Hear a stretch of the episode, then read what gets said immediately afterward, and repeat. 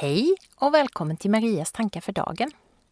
Jag heter Maria Estling Wannestål och jag driver podcasten och bloggen Drömmen om målarjord som handlar om att följa sitt hjärta och sin inre kompass.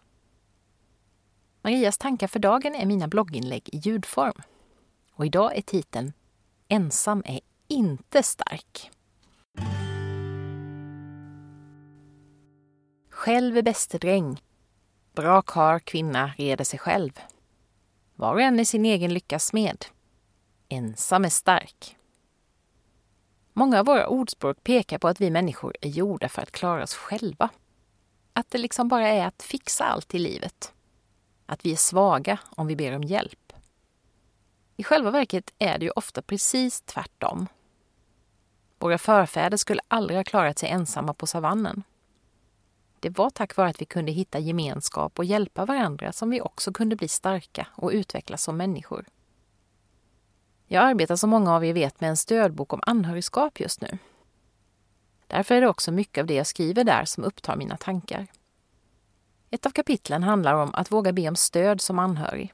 Exempelvis genom individuella stödsamtal, samtalsgrupper eller avlastning.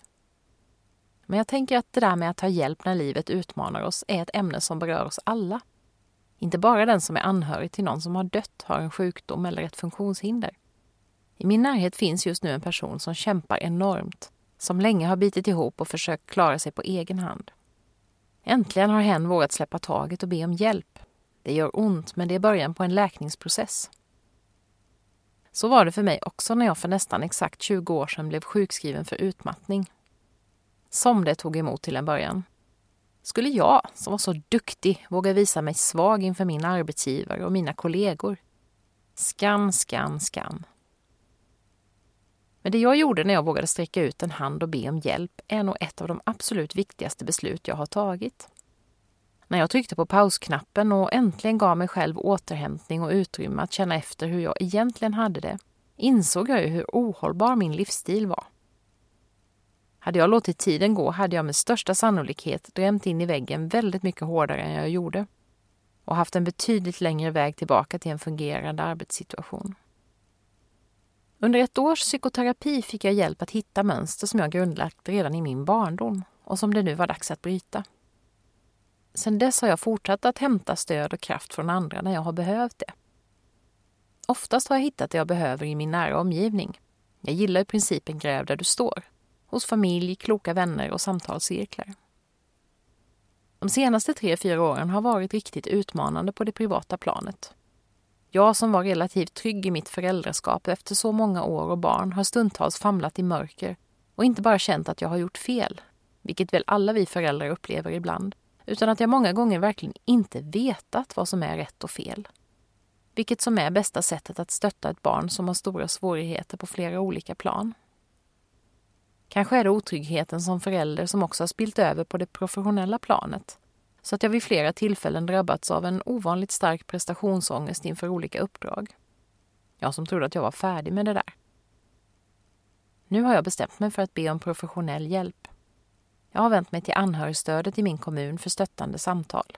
Och jag har anmält mig till en ny omgång terapi. Den här gången blir det KBT. Vid den mottagning som drivs av psykologutbildningen vid universitetet där jag bor. Och vet ni något intressant? Redan i det ögonblick som jag tar beslutet att be om hjälp är det som att någonting lättar. En process är inledd och jag är inte längre ensam. Ensam är sällan stark, men ensam kan hitta styrka genom att våga sträcka ut den där handen och berätta om sin sårbarhet. Förresten, på tal om sårbarhet. Om du inte redan har sett Brené Browns fina TED-föreläsning The Power of Vulnerability kan jag varmt rekommendera den. Och så till sist måste jag berätta om något roligt som händer framöver. Den här hösten har jag jobbat med Drömmen om målarjord i fem år och vi är snart uppe i hundra avsnitt. Jag hade tänkt fira storståtligt med en insamlingsgala på Kulturhuset Palladium i Växjö i höst. Härlig musik, poesi, brandtal och livepoddande. Men det evenemanget får vi skjuta på framtiden.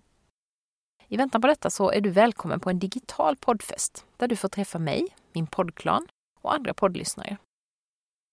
Det blir incheckningsrunda med alla festdeltagare, livepodd med poddklanen och så hjälps vi åt att skänka pengar till Musikhjälpen. i en gemensam insamlingsflashmob. Musikhjälpen har varit en viktig del i mitt liv under många år och det här året är temat Ingen människa ska lämnas utan vård.